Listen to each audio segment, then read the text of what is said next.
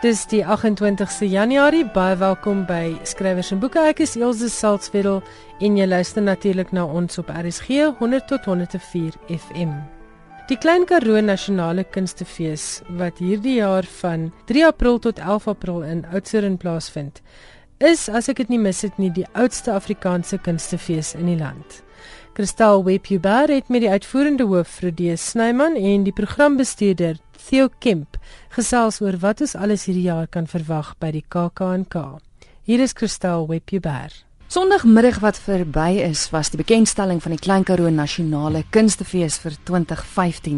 En ek het nou die voorreg om te gesels met Rudee Snyman, sy is uitvoerende hoof, en Theo Kemp, hy is programbestuurder.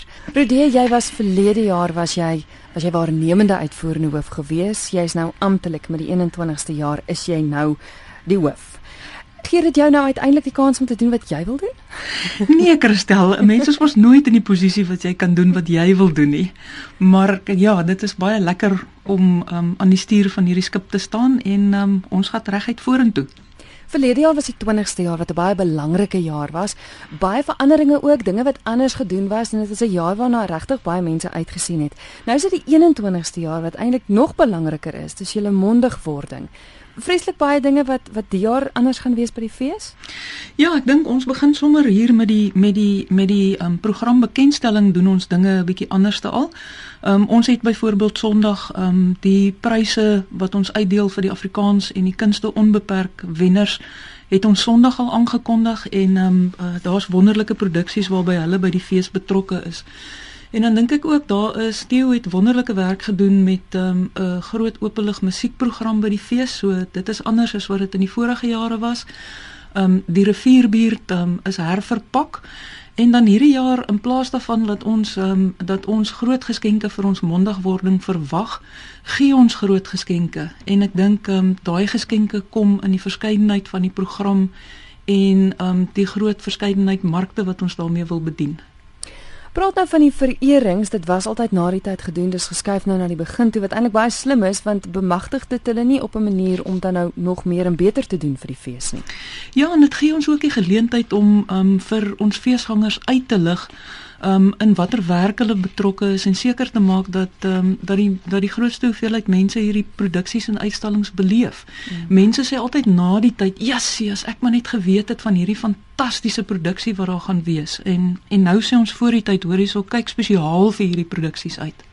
Dis wat ons eintlik ook in 'n mate vanaand gaan doen want ons kan onmoontlik oor die hele program gesels. Kom ons kyk na die vererings en dan ook spesifiek die mense wat dit gekry het en die produksies waarby hulle dan vanjaar betrokke is. Die eerste een is Werner Vels. Ja, dit is 'n postuum verering wat ons hierso doen. Ons het eintlik ehm um, um, voordat sy ons verlaat het verlede jaar het ons hierdie besluit geneem. Ehm um, en dit gaan spesifiek oor 'n groot geskenk wat ons wil gee vir gesinne en vir kinders by die fees is om 'n volbloed Afrikaanse pantomime te doen hmm. van natuurlik van ehm um, Liewe Heksie met 'n Margit Meyer Rodenbeck as Liewe Heksie. Mm -hmm. Ja, en as mense soos Chris van die kerk is daar in Lukman Adams Hannes van Wyk, uh, Zaan Stapelberg speel die Vee Koningin. Daar gaan 'n paar hoë note uitkom. Die Klerk Olofse is ehm um, speel ehm um, Blommie, Christel Donna Roberts, Emil Mini wat ook die musikale regie behartig is daarin en uh ook Margit se se dogtertjie Luka is die, is die, is die kat. So oh, dit is Tewes. Is Matewes. So dit is 'n verskriklike oulike span en Margit en François Turin het het saam die die teks uh, geskep of verwerk en uh Lis Meyering doen die doen die regie. Ja, as 'n mens nou dink aan Lis Meyering, as 'n mens nou onthou net so op die kant Dis die eerste keer in 17 jaar wat ons 'n volbloed pantomime by die KAK&K doen. Ja. Ehm ja. en as 'n mens terugdink um, aan aan so 'n hele klompie jare gelede was daar die wonderlike wonderlike Brolloks en Bittergal geweest. Mm. En Liz Meyering en Hannes Miller was destyds daarbey ook betrokke. So dis regtig wonderlik dat Liz nou weer by die regie van Liewe Heksie Flower Power betrokke is. En ek dink Margit ook want sy kom al 'n lank pad met Liewe Heksie. Hulle is al baie jare wat hulle wat hulle Liewe Heksie produksies vir al by die boer doen ook. Ja, dit is waarin mense probeer, jy weet so ons ons poging hierdie jaar is om 'n lekker groot pantomime op te sit wat natuurlik vir die hele familie spreek.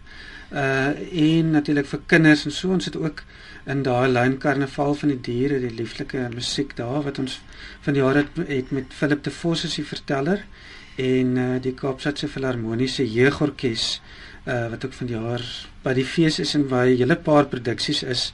Ehm um, so dit is dis wonderlik dat 'n mens op so 'n manier almal uh, bymekaar kan kry. Weet ehm um, klassieke musiek kan aanbied vir vir die hele gesin en dit baie toeganklike werk is. Ja, liewe Heksie, soos jy nog nooit vir die Heksie gesien het nie, klink dit vir my. liewe Heksie Flower Power is die, is die volle titel, so dit dit sê dit al klaar. Ja. Goed, dis nou Winna Vels wat dan die lewensbydra kry en dan Nicola Hanekom wat kry vir vernuwende denke. En ek moet sê ek is altyd kinderlik opgewonde om te hoor waarmee sy volgende vorendag gekom het. Ja, ek bedoel daar is geen einde aan aan Nicola se uh, uh sy kreatiwiteit en soos sy eintlik Nicola uh, kreatiwiteit onbeperk vir my. Hmm. Sy uh, het van jare fantastiese teks in glas. Um, ek kry skoon hoendervleis as ek weer dink aan hoe mooi die teks is. En uh, dit dit handel oor en ek dink baie mense is ehm um, worstel daarmee. Ehm um, veral so in die laat 30s, vroeg 40s wat hierdie tipe ding jou tref, gaan jy nou kinders hê of nie. Ehm um, so dit gaan oor kinderlose paartjies en hoe paartjies daarmee soort van worstel en beklei met mekaar. So sy skep op die verhoog uh letterlik uh twee paartjies en hulle alter egos. En wat interessant is is dat die paartjies ehm um, speel teenoorgestelde. So die alter ego van die man is die vrou. Ja? Die man is hierdie groot, sterk en die vrou is hierdie verpiepte alter egotjie en omgekeerd. So dit dit, dit al klaar is, is 'n baie interessante spel. Sy is hierdie keer nie in die buitelug nie. Sy beweeg terug in 'n in 'n in 'n teater ehm uh, lokaal, maar wat wat dit anders maak is dit sy speel in die ronde. So die dit speel ah. letterlik af in 'n bokskruit en die gehoor word intiem deel van hierdie soort van ervaring van van paartjies wat wat beklei. So jy voel amper soos 'n voyeur in die proses. En sy het natuurlik vir haar A-span ehm um, uh, mense uitgekies, uh, kunstenaars wat betrokke is. Daar's onder meer Tinarie van Wyk loods, Paul de Tooi, Stean Bam en Bronwyn van Graan is daarin. So dit is ehm um, dis mense waarmee sy gereeld werk en ek dit gaan definitief een van die hoogtepunte op die toneel front wees. Maar kyk, ek is nie verbaas dat Wessel Pretoria se prys gekry het nie. Hy het vir 'n jong stem gekry en hy is betrokke by twee produksies, as ek Ja, hy het die die heerlikste uh, produksies uh, geskep vir die fees en dit is so uiteenlopend dat ons kon eenvoudig net nie een een nalat net gesê maar dit is so verskillend kom ons doen al twee. Die een is uh ernstiger en gaan nogal so 'n bietjie ek dink kontroversie op die program veroorsaak en dit is al julle volke en dit die tematiek daar rondom gaan eintlik oor die Afrikaners se se leier is dood. Nou wat nou? Hoe soek ons dit? Waar vind ons 'n nuwe leier? Uh daar word bietjie fyn gespot met met wie die Afrikaner aanstel as hulle leier. Daar sal ek nie veel meer sê nie. So dit gaan soort van um, oor die Afrikaner se soeke uh, na leierskap, maar dit raak natuurlik temas aan soos geloof, vriendskap, wat is manlikheid, uh, wat is liefde en die hele ding. Jy weet as 'n mens mos een kwessie oopkrap dan maak jy 'n hele muurnes oop. Ehm um, en uh, Greta Petersen is in die rolverdeling, Wessel speel self daarin en JP Rousseau, uh, daar's ook 'n dans element in die produksie. En uh, die ewe talentvolle Nico Skeepers ook ook 'n jong stem. Mense sal hom onthou van Wentel mm -hmm. vir al verlede jaar by die fees. Hy is uh, verantwoordelik vir die regie. So dit dit gaan mense kan ook uitsien na baie sterk visuele uh toneelproduksie. Wat dan in die tweede stuk waarby hy betrokke is is is 'n bietjie ligter van aard. Ja, dit is ligter van aard. Dit is op die uh komedie program. Uh dit is natuurlik nou kan jy nou van Wessel verwag dat dit gaan nou nie jou jou gewone soort van lag uit die maag tipe van uh produksie wees nie. Daar's daar's so 'n steekie wat daar inkom. Uh dit en uh wie daar aanspeel is Johnny Kombrink, Hannah Bordwick en Erlyn uh Daniels, dis ook weer 'n lekker span. Ehm um, en dit gaan oor twee susters en hulle ma en hulle ontmoet mekaar in die Sandton City winkelsentrum om eintlik 'n bietjie inkopies te doen, maar dan gebeur ek eh, begin hulle te praat en ou koeie word uit die sloot gegrawe en daar word gepraat oor uh, seksualiteit ook uh, seksualiteit is nog 'n sterk tema op die program mense besef hierdie goed altyd so iets wat na en dan probeer jy op slim hou en sê jy dit so beplan maar eintlik glad dit dit gebeur so kollektief asof dramaturge uh, daar rondom werk. So ja, dit is 'n uh, dis 'n verskriklike interessante uh lekker ding, jy weet, so en dis ehm um, Sandton City Grootdoop. Dit is korrek, ja. Dan Marius Weyers, hy kry een vir vertolking. Dit is korrek, ja. Ek dink ehm um, dit is dit is lang ou video as ek die as ek die Engels mag gebruik. Ek dink Marius is sekerlik ek dink nie iemand sal stry dat een van ons beste ehm um, akteurs in die land nie. Hy is natuurlik te sien in in die Seemew wat by ehm um, ehm um, Aardklop verlede jaar geopen het. Dit is 'n heerlike ehm um, ehm um, natuurlike Chekhov ehm um, wat ehm um, deur Saartjie Botha en Christian Olwag en uh, aangepas is in 'n 'n Afrikaanse konteks. Heerlike humor daarbey. Lang stuk, maar mense kan nie dink jy weet jy jy gaan jy, jy gaan nie om na 'n swaar ja. stuk te sien nie. Dis dis regtig 'n komiese element. Ek moet sê ek het dit gesien verlede jaar en daai die duur van die produksie is dit gaan in 'n oogwink hmm. verby. Jy sit nog daar en dan dink jy, ag nee, is dit nou al klaar? ja, ja, ja. Want dit is dis regtig. As 'n mens check of hoor dan dink jy baie keer, o nee, dit gaan so swaar wees, maar hierdie is regtig, regtig ja. 'n Mens moet dit nie misloop nie. Dit is net so voorreg ook om Marius weer saam met uh, Sandra Prins hmm. op die verhoog te sien en Gerben Kamper wat nou weer so fantasties doen en Sam se masjien wat verlede op die fees gehad het, ja, jy weet so. Wat vir my goed is is dat daar tog gekyk word na klassieke produksies. Ja. Um, die feit dat ons weer blootgestel word daaraan en weer dit kan sien want ek dink daar's 'n stuk van Brecht ook. Ja, en dit is presies dieselfde gevoel as wat jy Chekhov weer lees of op die verhoog sien en jy dink, "Sjoe, die tekste bly so ehm um, relevant en dit nie meer nie. Is dieselfde met moeder moet en haar kinders wat ek bedoel alom beskou word as Brecht se beste stuk en die beste stuk van die vorige eeu ehm um, wat ons ehm um, saam met Tsukovs ehm um, op die plank gebring uh wat Saartjie Botha die verwerking gedoen en Jeremy Fokeng is die regisseur en is 'n absolute voorreg om hom by die fees te hê. Ja, en as hierdie ongelooflike kragtoer in hierdie produksie met Aletta Besuidenhout. Hulle hulle sê mos hierdie hierdie rol van moeder Moed is soos die vroulike Hamlet. Ja, ja absoluut. En sy is besete as ek die woord mag gebruik ja. in in die rol. So dit En ek moet sê ek het nogal van Nicole Holm ook in hierdie produksie baie geniet. Ja, ja. Kom ons beweeg gou na visuele kuns toe. Daar's 'n kunste onbeperk prys vir lewensbydra vir Pieter Makubane gegee en hy het ook 'n uitstalling by die fees vanjaar. Ja, dis eintlik 'n um, 'n wonderlike storie hierdie. Ons het verlede jaar was Pieter Magubani um by die fees gewees. Um danksy Absa het hom gebring en ons het 'n uitstalling 'n retrospektiewe uitstalling van sy werk gehad.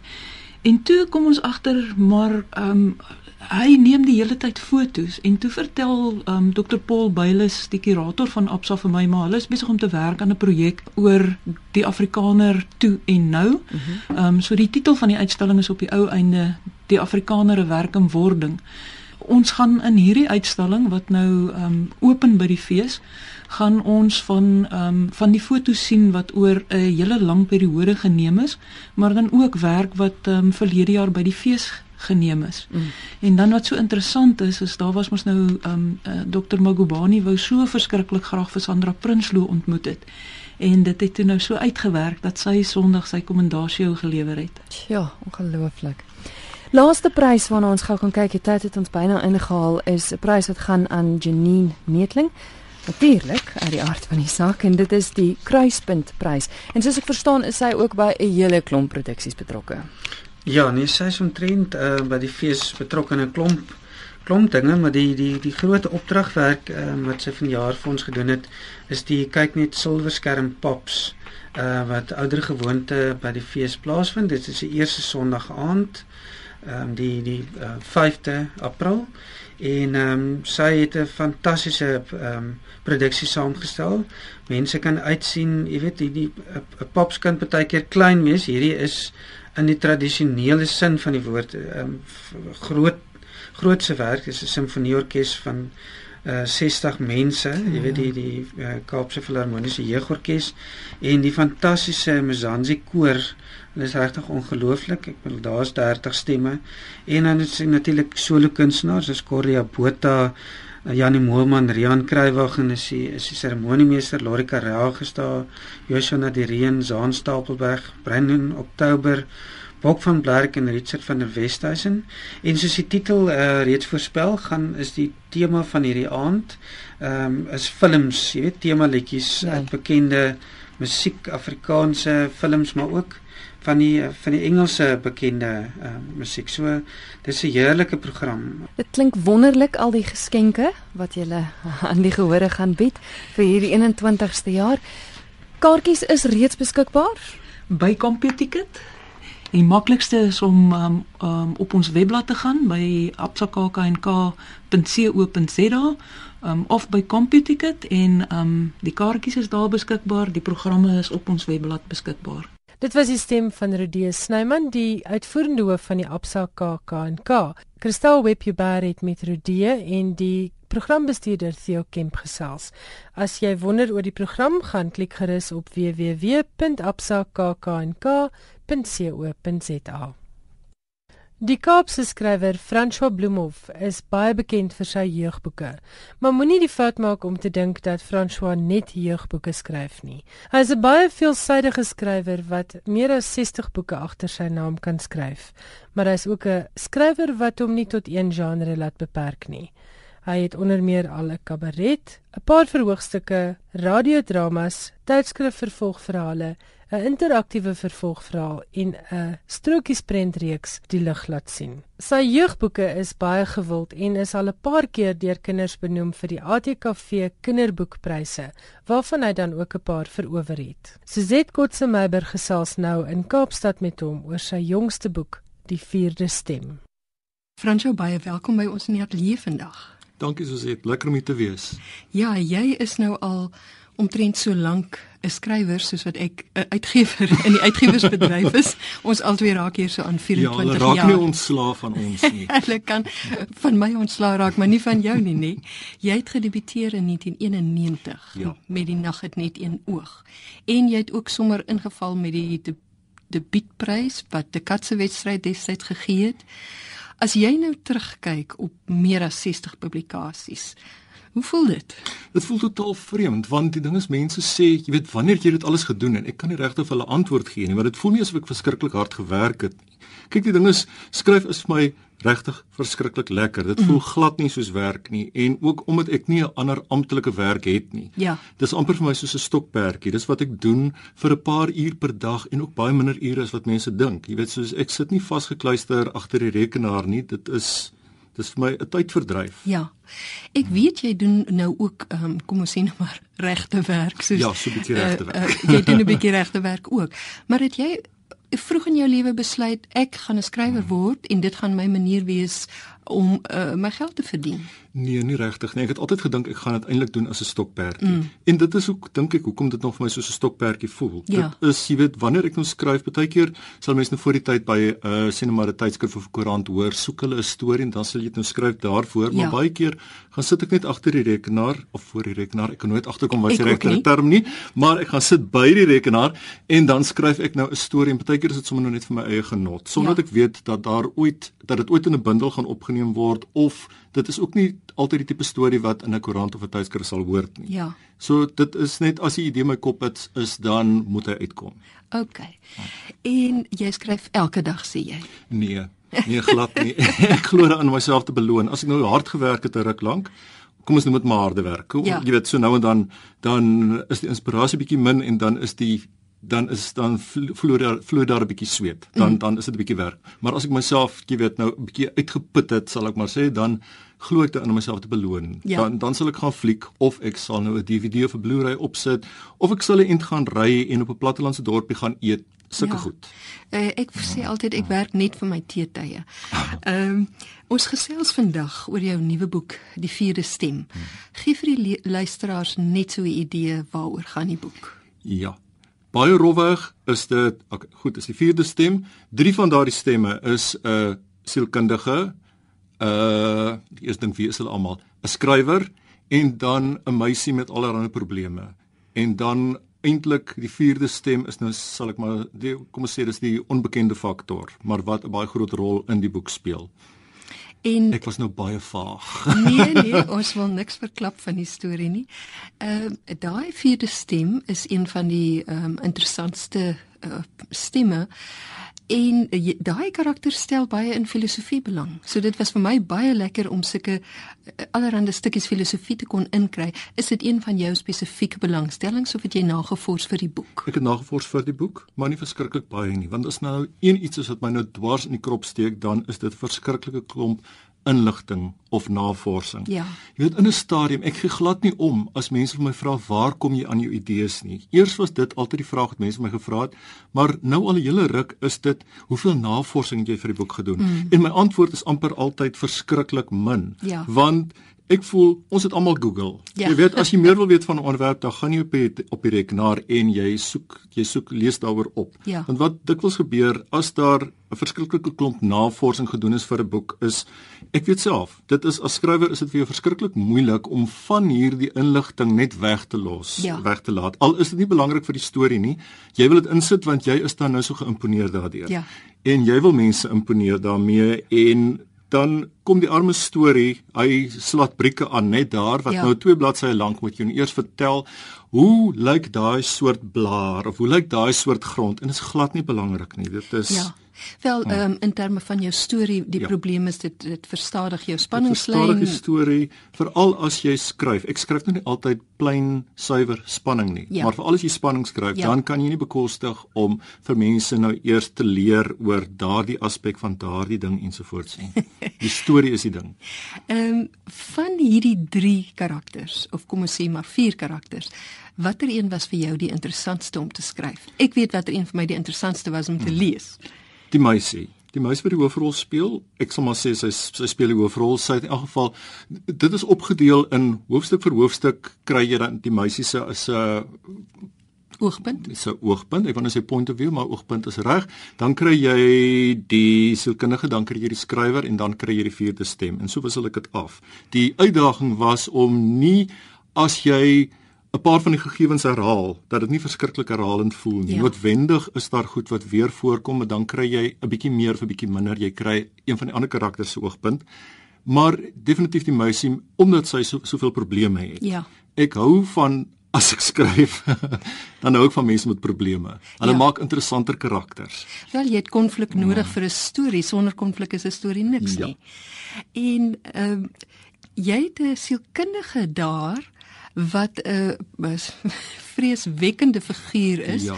want hy met al sy sielkundige kennis bedags uh, uh doen hy sy sy berading met sy pasiënte of kliënte en onder die oppervlakte ehm um, hou hy hom nog met ander goeders besig wat nou regtig waar aan die ander kant van die radar val maar wat vir my van hom die interessantste was is dat hy sy sielkundige kennis ook kan gebruik om sy pasiënte sielkundig te ondermyn. Ja. Hoe het jy by daai idee uitgekom? Ek het gedink dit is baie oorspronklik en regtig waar 'n bietjie angswekkend. En ek gaan vir jou jokkes of jy sien hoe ek daarby uitgekom het. Ek kan nie onthou nie. Baie keer, baie keer terwyl ek draf, dan ja. kom 'n idee by my op en dan is die idee reeds geslyp en redelik volledig. En ek kan nie sê wat geaktiveer het nie. Of baie keer droom ek iets of baie keer sê mense terloops iets en dit sit my brein aan die werk nie dat die brein ooit ophou werk nie. Hy werk te veel.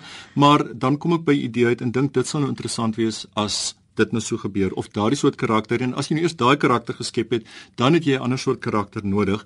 Maar in hierdie geval ek het gedink dit kan interessant wees om die meeste mense die mees geslepe vyande is die wat ander mense baie goed ken. Mm. jy weet jy kan partykeer nie dink hoe mense nou sien waar by een of ander skema betrokke geraak het ja. en soveel geld daarop uitgegee het nie tot jy nou agterkom die persoon wat hul vertroue gewen het is 'n absolute swendelaar en doen dit amper outomaties weet net hoe om te lyk wat om die regte dinge is om te sê en 'n sielkundige is eintlik in daardie rol outomaties ek ja. sê nou nie sielkundige swendelaars nie maar sielkundiges is jy gaan na die persoon toe en jy gaan die persoon vertrou ja daardie persoon het 'n invloed invloed op wat verder met jou gebeur. Hulle is nie veronderstel om vir jou direk raad te gee soos los nou jou man of ja. een van daai dinge nie, maar tog jy weet, jy weet self in jou daaglikse omgang wanneer jy met vriende praat, jy het 'n effek op hulle, jy het 'n invloed op hulle. Ja. En iemand wat nou die sielkundige so goed ken soos wat 'n sielkundige sou ken. Ja. As daardie persoon nou 'n paar krakies in sy eie siege het, dan kan hy regtig vir ander mense gevaarlik wees. Absoluut. En ek is uh, juis besig om 'n speur manuskrip uh, te lees vir kering. Hmm. En net gister weer daardie feit dat meer as 80% van moorde uh, is die moordenaar bekend aan die vermoorde. Ja. So jy praat hier op 'n manier van 'n ek wil amper sê 'n psigiese vorm van moord en dan geld dieselfde reël. Ja. En hierdie woord Daar's 'n as 'n letterkundige term daarvoor, daai spel wat jy speel met die skrywer, die een van die karakters wat hmm. skryf oor die proses van skryf. Ja. Word dit 'n metaroman genoem? of so iets. So.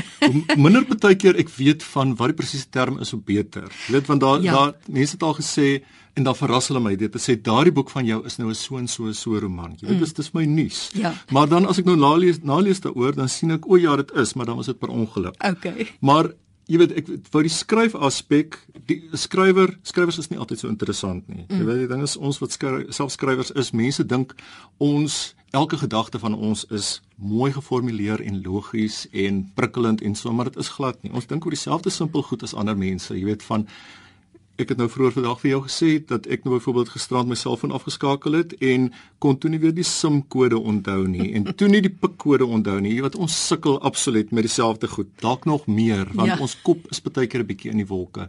Maar die sielkundige wat ek wat ek daar wou skep in die boek, moet se ekskuus, die skrywer, die skrywer wel net die sielkundige se eie probleme het, so ook die skrywer. Ja. So eintlik hulle het almal probleme en dan die kar, verskillende karakters het dan 'n effek op mekaar, hulle beïnvloed mekaar partykeer sonder dat hulle daarvan weet en ook wat vir my interessant was was om in die party party gevalle dan moet die leser meer weet as wat die verskillende karakters weet. Ja want dit is tog lekker vir 'n leser om 'n ja. bietjie meer te weet as die karakters. En in hierdie geval het jy nou daai spel net 'n bietjie verder gevoer wat jy dan amper ehm um, ook met die leser in gesprek tree indirek oor die skryfproses. So vir ja. mense wat groot lesers is, is van daai goed miskien 'n bietjie van 'n verrassing om te te kan of dan nou lekker om uit te vind, maar dit is die punte waarop 'n skrywer dit of dat doen en wat hy moet gaan sit en dink of dit is hoe hy goed oorweeg en dan los hy eers en, en is dit nog 'n baie ja. interessante insaag in die skryfproses. Okay, nee, ek is bly as dit vir jou interessant is. Dit was vir my lekker. ja. Dit is ook ek ek wou die die, dit wou dit gebruik sê da, van daardie goeters om die skrywer te help definieer. Ja. Maar ja. terselfdertyd, hy is net een van die karakters. Ja. Ek sou nooit 'n roman skryf wat gaan oor 'n skrywer nie. Ja. Stephen King doen dit almekaar. Mm. Dis absolute luiheid om boeke te skryf en boeke te skryf en nog boeke te skryf met 'n skrywer as hoofkarakter, want hy hoef glad nie te dink oor wat die persoon doen nie. Fransjo, jy weet die reël mm. is skryf oor wat jy ken, nê? Ja, maar hy is lui.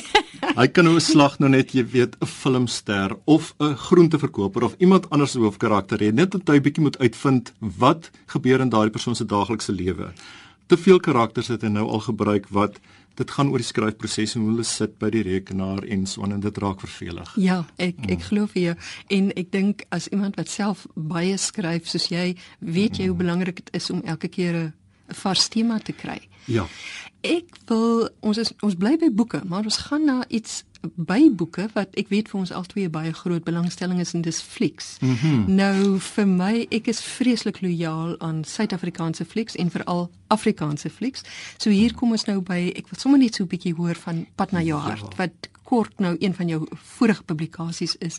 En hoe het dit gebeur? Hoe die boek gevaar? Hoe het jy daai hele proses gevind? Die boek vaar baie goed kyk ek se wêreld se swakste sake man. Toe toe hulle nou toe Ivan Botha en Donnelly Roberts vir my gevra het, sal ek na aanleiding van die draaiboek die boek skryf. Ja. Toe ek eers gesê nee, ek dink 'n regte liefdesverhaal skrywer moet dit skryf.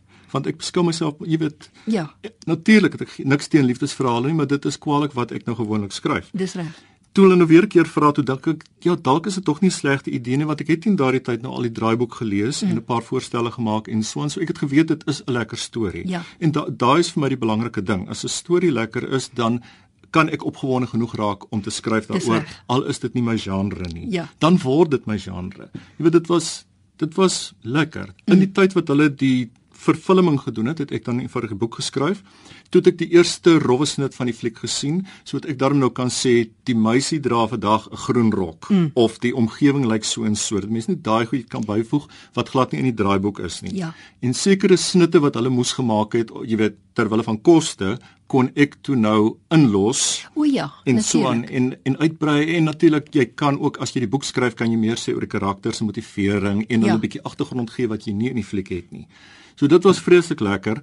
En nou vanjaar is eintlik nou my fliekjaar. Ek is ja? hulle is op die oomblik besig om 'n draaiboek van my te vervilm. Nou nie hierdie spesifieke mense nie, ander mense. Dit is 'n Engelse draaiboek wat ek dan nou ook 'n fliek gaan maak want ag ek ekskuus natuurlik gaan 'n fliek 'n boek van gaan maak okay. want ek sal dom wees as ek dit nie doen nie Dis want recht. ek beskou myself steeds as skrywer nie as draaiboekskrywer nie. Ja, gaan jy dan mm. daardie boek van die Engelse fliek gaan jy hom in Afrikaans doen? Ja. Ja. Ek sien. So mm. jy vang dan al twee daai markte omtrent so ja, gelyk. Ja, weet jy die ding is soos ek sê ek is die wêreld se swakste sakeman. Ek weet glad nie watter mark ek ooit gaan vang nie. Ek skryf die boek en dan as die boek goed vaar, soos pad na jou hart byvoorbeeld goed vaar soos ja. die vierde stem byvoorbeeld goed vaar. Dis my verrassing. Mm. Want ek party skrywers is baie goeie sakemanne en hulle ken hulle mark baie ja. goed. Dit ja. is 'n mark en natuurlik is dit 'n mark, maar ek bedoel hulle weet of 'n boek gaan suksesvol wees of nie. Omdat ek meeste van die boeke vir myself skryf, mm. is dit half Dit voel asof ek met moord wegkom as daar nog ander mense ook is wat daarvan hou. ja. En aan die middel van die jaar is daar 'n 'n jeugboek van my wat ook vervilm gaan word daarvan daarvoor het ek ook die draaiboek geskryf en dit is dit is veronderstel almal sê altyd dat as jy nou geskryf het boeke geskryf het romans geskryf het ja. en jy slaan oor na draaiboeke dan is dit veronderstel moeilik te wees mm -hmm. maar dit is nie omdat ek lief is vir flieks ja het ek nog altyd jy weet selfs wanneer ek skryf ja. kortverhale skryf enigiets ek dink in terme van die visuele en ek sien dit voor ek dit ek beskryf dit nie verskriklik nie. Ja, ja. Want ek voel mense het mos 'n verbeelding. Jy sê vir hulle daar staan 'n boom en hulle weet hoe lyk die boom. Mm. So nee, ek ek dink visueel en dit is nou maar net die pad wat dit op die oomblik vat. Dis my baie opwindend. Dit is uiters opwindend. Uh net vinnig ons maar net die laaste wat ek vir jou wil vra. Hierdie 'n uh, jeugboek van jou, is dit nou mm. een van jou bestaandes? Ja, wat is 'n bestaande een, Donkerwoud. Okay. So dit is 'n spookstorie en Ja, daar's te min spookstories in Afrikaans. Dis reg. En daar's heeltemal te min spook flieks in Afrikaans. So ons stel nou die saak reg. Dis wonderlik. Ek wens jou net alles van die beste toe en ek is seker eh, weer eens nie 'n vervelige skryf en fliekjaar vir Fransjo Bloemhof nie. Okay. Baie dankie vir die Baie gesprek. Baie dankie. En so gesels Suzette Kotse Meiburg in Kaapstad met François Bloemhof. Hulle het gesels oor François se jongste spanningsroman vir volwassenes. Die vierde stem het einde verlede jaar by Human en Resou verskyn en kos R210. Verlede jaar het ek 'n program saamgestel oor die Reading for Redemption program, 'n leesprogram van die Departement Korrektiewe Dienste wat daarop gemik is dat gevangenes hulle lewe en hulle selfbeeld en al die dinge verbeter deur die lees van boeke. Nou sonder boeke wat geskenk word aan 'n program soos hierdie, sal hierdie program onmoontlik wees om uit te voer. Baie dankie vir elke RSG luisteraar wat na die program boeke geskenk het. Sari Peens van die DKD het vir my laat weet daar's 'n hele paar duisend boeke deur RSG luisteraars geskenk en sy wil ook baie baie dankie sê daarvoor en ook van my kant af hier by skrywers en boeke Baie dankie dat jy jou boekrakke leeg gemaak het en die boeke vir 'n goeie doel geskenk het. Enigiemand wat belangstel om nou weer 'n bydrae te maak as jy dalk weer binnekort gaan boekrak regpak en jy wonder wat om met al die boeke te doen of jy tree af en jy trek na 'n kleiner plek en jy wil jou boeke skenk vir 'n goeie projek. Die Reading for Redemption projek van die Departement Korrektiewe Dienste is regtig 'n goeie saak. Skakel vir Sari Peens, dit is kantoorure. Ek gee haar selnommer 082 331 3556. Sari Peens tussen 8 en 5 by 082 331 3556. En ek sê solank, dankie want ek weet julle gaan julle harte en julle boekrakke oopmaak vir hierdie goeie saak.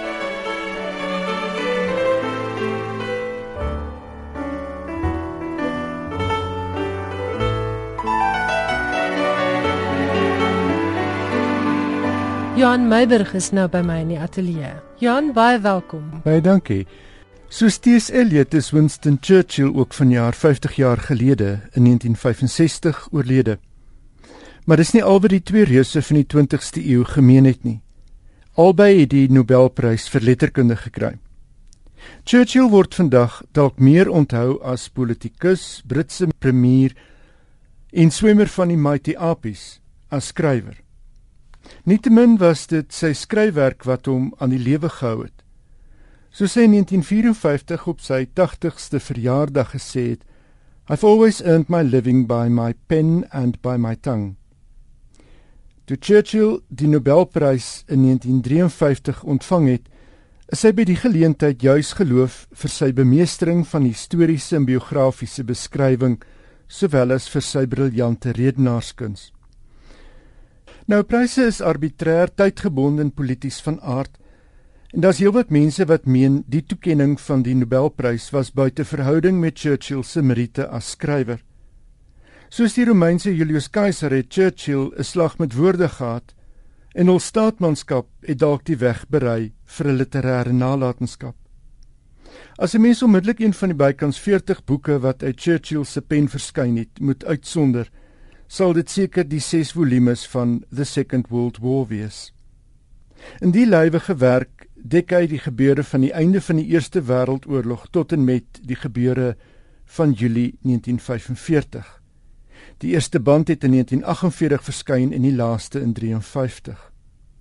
Die waarde van die 6 boeke lê daarin dat dit die oorlog van die binnekant af beskryf. As 25-jarig het Winston Churchill na Suid-Afrika gekom en vir 8 maande die Anglo-Boereoorlog as oorlogskorrespondent vir The Morning Post gedek. Terug in Londen het hy in 1900 sy ervarings in London to Ladysmith via Pretoria gepubliseer en in dieselfde jaar ook Ian Hamilton's March. Die ander biografie wat aangeprys sou kom word is Marlborough, 'n boek oor sy voorvader John Churchill, die eerste hertog van Marlborough wat geleef het van 1650 tot 1722. Die biografie in 4 bande het tussen 1933 en 1938 verskyn. Churchill het geskryf onder die naam Winston S. Churchill om hom te onderskei van die Amerikaanse skrywer Winston Churchill. Dan het ek vir iets oor John Bailey wat vir jare Wharton professor in Engels in Oxford was en 'n genoot van die skrywer Iris Murdoch. Bailey is verlede week in die Kanariese eilande dood. Hy was 89. Wyd bekend as kenner van literêre kritiek, het Bailey in 1998 sy weergawe van die lewe met Murdoch uitgegee as Elegy for Iris. Die boek is vervolg as Iris met in die rolle van Murdoch, Kate Winslet en Judy Dench en die van Bailey, Hugh Bonneville en Jim Broadbent. Iris Murdoch het in 1978 die Booker-prys verower met haar 19de roman The Sea, The Sea. Haar laaste roman, Jackson's Dilemma, het in 95 verskyn. Sy is 2 jaar later met Alzheimer se siekte gediagnoseer en is in 1999 oorlede. In Elegy for Iris het Bailey openlik oor sy vrou se siekte geskryf. Toe die boek verskyn het, was die siekte in 'n gevorderde stadium en het Bailey die wind uit verskeie oorde van voorgekry. Muriel Spark, die Skotse skrywer en vriend van die egpaar, het Bailey in briewe aan ander vriende beskuldig van moddergooiery. Na Murdoch se dood het Bailey nog twee memoirs uitgegee, Iris and the Friends in 1999 oor die laaste jaar en besoeke van verbeelde vriende en Widowers House in 2001. Bailey is in Lahore, Pakistan gebore en het in Oxford gaan studeer en dis waar hy ook Murdoch ontmoet het. Hulle is in 56 getroud. Bailey word oorleef deur sy tweede vrou, Audie Willers, met wie hy in 2001 getroud is. Ja, net jy Iris gesien ek het um, ek het die prent gesien. Dit ja. was my baie baie aandoenlike uitbeelding van Alzheimer. Ek sou dit glad nie as moddergooiery bestempel nie. Ek dink dit was 'n mooi uitbeelding van hulle verhouding ook, 'n baie komplekse een. Die probleem was dat sy sy het sy toe nog gelewe toe die boek verskyn het. Dis 'n jaar voor haar dood het hy het hy die boek gepubliseer. Ehm um, die rolprent vermoed ek het dit na haar dood verskyn. Wel, ek dink net altyd oor sulke toestande is dit beter dat mense weet sodat hulle bemagtig kan word. Ek het 'n ouer gehad wat Alzheimer gehad het en dit is nie 'n maklike pad om te stap nie en ek dink so iets kan definitief dis meer opbouend en bemagtigend as wat dit afbreekend is as mense net daar wil praat want dan destigmatiseer jy dit. Ja, inderdaad so. Ek het gaan kyk nou na uh, in, in ter voorbereiding hiervan het ek gaan kyk na 'n uh, uh, klomp gegevens en ook op 'n klomp fotos van van Murdoch afgekom. En ehm um, en as jy kyk na die uitbeelding in die in die rolprent, was dit was dit besonder simpatiek geweest. Ja, dit was, dit was. Wat is jou laaste brok? Die skrywers wie is Naipaul en Paul Theroux, benewens hul ander skryfwerk ook gesoute reisskrywers, het onlangs op die Jaipur letterkundefees in Indië die strydbuile laat lê en mekaar die hand gegee. Die stroewe verhouding tussen die twee skrywers het begin toe Theroux in 1996 op 'n veilinglys afgekom het met van sy boeke wat hy as geskenke nogal geteken op die titelblad vir Nightpool persent gegee het. Die knou wat die vriendskap gekry het, is glo vererger deur Theroux se soms buitende portret wat hy van Nightpool skilder in sy memoir Servidia's Shadow van 1998. Op die Jaipur fees het Theroux die 82-jarige Naipaul in trane gehad toe hy na Naipaul verwys het as gelykstaande aan Charles Dickens. Theroux het die opmerking gemaak na aanleiding van 'n verwysing na Naipaul se roman van 1961 A House for Mr Biswas. Die bewoon Naipaul kon skaars 'n woord uitkry. Later het 'n woordvoerder van Naipaul aan die Britse Telegraaf gesê die skrywer was heeltemal oorweldig. Bewus daarvan dat dit straks een van sy laaste openbare optredes is, het Nightball later gesê my lewe het sy kring voltooi. Dit het die woordvoerder bygevoeg. Theroux wat 74 is, het begin skryf nadat hy Nightball vir wie hy ongelooflike bewondering gehad het, in 1966 in Kampala ontmoet het. Mettertyd het Naipaul 'n mentor vir Theroux geword en Theroux het een van die voorste reisskrywers geword. Van sy skryfwerk sluit in The Great Railway Bazaar oor sy epiese reis van Engeland tot Japan en sy roman The Mosquito Coast. Naipaul het die Nobelprys vir letterkunde in 2001 gekry. Hy was mos die boekhuis was mos hier in Johannesburg die boekwinkel, ek is seker daarvan jy weet waarvan ek praat en ek het eendag op hulle tweedehandse rak het ek ook 'n heel klompie boeke gesien wat duidelik as verjaarsdaggeskenke gegee is en ek het toe gewonder hoe voel die gewer? Hoe gaan die gewer voel as hy vandag hier instap en sien sy verjaarsdag persente pryk hier op die rak? Johan, baie dankie, interessant soos altyd. Dit was natuurlik die stem van Johan Meiberg.